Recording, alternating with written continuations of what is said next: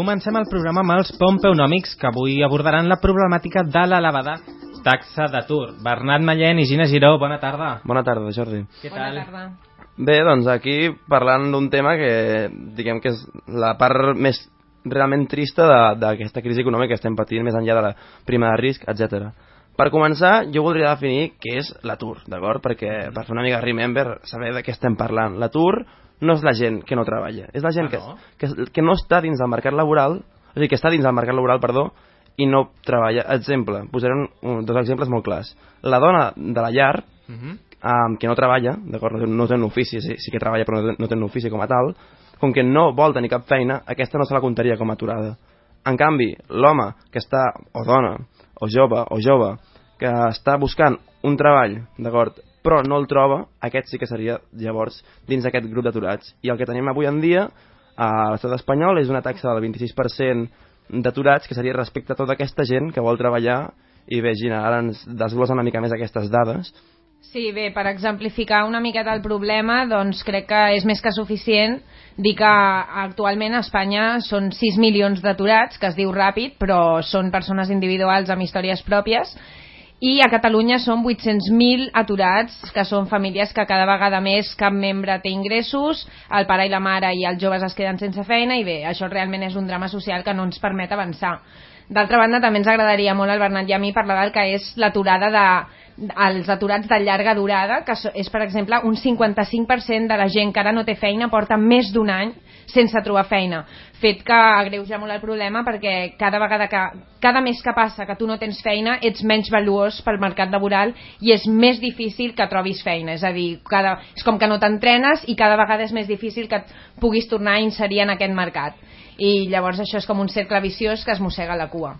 Llavors, um, a part, eh, veiem que la taxa d'atur juvenil, per exemple, per, que és el que ens toca més de prop, està al 55%, Gina. Eh, Eh, exacte, menors de 25 anys, 55% d'aturats. D'acord, llavors això és dramàtic, d'acord? És a dir, gent que surt doncs, dels seus estudis eh, i llavors no troba feina. Però aquí volíem matitzar, d'acord? És a dir, mm, tampoc és per enviar un missatge optimista perquè no sé si n'hi ha, però el que sí que passa és que la taxa d'atur varia molt en funció de la qualificació, és a dir, a la taxa d'atur pels universitaris, d'acord? Mm, és molt més baixa que pels, pels diguem-ne, que tenen només l'ESO, per exemple. Però aquí vull entrar en un altre tema que, de fet, és efecte mateix d'aquest atur, que seria en el cas, per exemple, de nosaltres, els aquí presents que som universitaris, que el que passa és que potser hi ha menys atur, però tenim un efecte que és gairebé igual de pervers, com si diguéssim, que seria el fet de que molts estudiants, de fet, a, a l'estat espanyol un 46% d'aquests, quan surten, tenen una feina, sí, però de baixa qualificació. Per tant, tenim un 46% d'aquests graduats o llicenciats que treballen en feines de baixa qualificació. Això seria un dels efectes de, de l'atur i també n'hi ha més efectes negatius que ara ens explica la Gina. Sí, és a dir, o sigui, la gent surt a treballar, però treballa per feines que, per les quals potser no els hi caldria haver estudiat la carrera, i això doncs, és un altre efecte negatiu. D'altra banda, ens agradaria parlar de que aquests efectes negatius de l'atur no només els pateixen la gent que no té feina, sinó també els treballadors que es troben en aquest moment eh, empleats. Per què? Doncs perquè quan hi ha una taxa d'atur molt elevada, tal com estem veient, els treballadors tenen molt menys poder de negociació i això els empresaris ho saben i tenen poder per eh, fer contractes molt més flexibles i per tant aquests doncs, no saben si en qualsevol moment en el qual l'empresa tingui més pèrdues, el- el- l'empresari els farà fora. És a dir, no tenen un poder d'assegurança del seu treball i això és degut a que, doncs, com que cada vegada hi ha menys gent sense feina, l'únic que vol la gent és tenir una feina, sigui en les condicions que sigui. Eh, D'altra banda, doncs, els efectes negatius eh, evidents, és a dir, una taxa d'atur molt elevada sobre l'economia general és, és el que l'ofega totalment. Quan hi ha molta gent sense feina, no hi ha gent amb diners per consumir, ha- l'economia està reinada per un sentiment de pessimisme que fa que la recuperació sigui molt, molt difícil. Podríem dir que el, el pitjor, un dels, o el dels pitjors símptomes de l'economia és un elevat índex d'atur?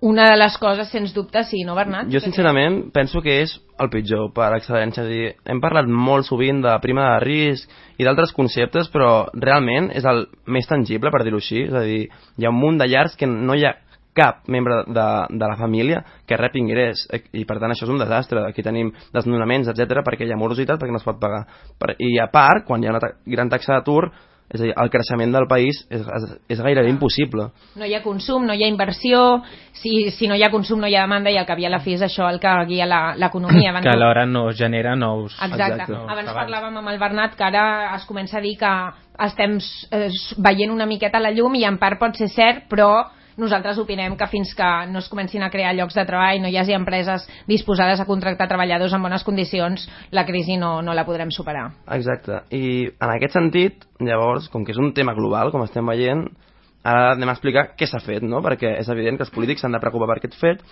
i anem a explicar el que s'ha fet, que bàsicament seria la famosa eh, reforma, reforma laboral. Mhm. I expli- evidentment no explicarem tot aquí perquè no tenim Sí, temps, però aniré a, per un fet concret, d'acord? I no voldré posar opinions, d'acord? Així que cadascú cada seva ja opini el que vulgui. Simplement pel que fa a la flexibilitat d'acomiadament, això que s'ha abaratit l'acomiadament, d'acord?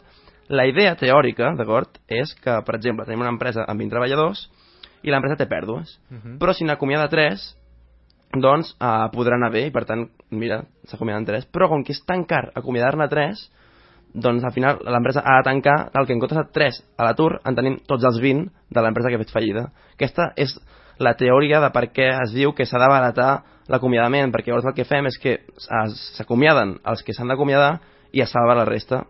Què passa? Aquí, doncs, d'ençà que s'ha fet la reforma laboral, l'atur ha anat pujant, per tant, diguem que la teoria no, no s'aplica molt bé, o potser, clar, com que l'economia té en compte molts factors, aquí el que passa és que no, no s'ha pogut aturar amb aquesta sangria que tenim actualment, que és un desastre, i llavors diem que realment pensem que la reforma laboral no ha tingut els efectes desitjats. I en aquest sentit, ja per anar reca- recapitulant, eh, voldríem dir un missatge una mica d'optimisme. Per començar, tenim una taxa elevadíssima que és eh, quatre vegades superior a la taxa d'atur mundial, d'acord? Mitjana mundial, déu nhi Quatre vegades. per tant, s'ha dit tela. Però, no sé si és un fet positiu o negatiu, diem que no és una taxa real, en el sentit que hi ha molta economia submergida. És a dir, hi ha molta gent que diem que està treballant en oficis que no estan, diguem-ne, tributats i per tant no consten com a tal.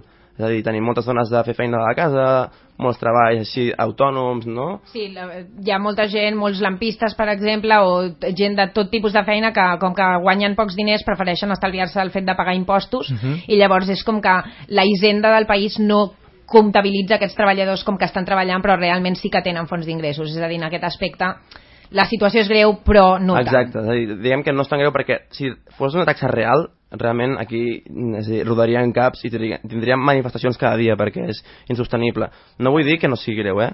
I llavors, uh, bé, per tenir una mica més d'optimisme, doncs... Sí, bé, a nosaltres ens agradaria dir que, evidentment, com hem explicat, la situació és gravíssima, calen moltes més mesures, cal que els nostres polítics es preocupin molt més per aquest tema, però ens agradaria dir que les crisis són cícliques. Una vegada estàs a baix, una vegada estàs a dalt. Ara estem en el pou, però sortirem.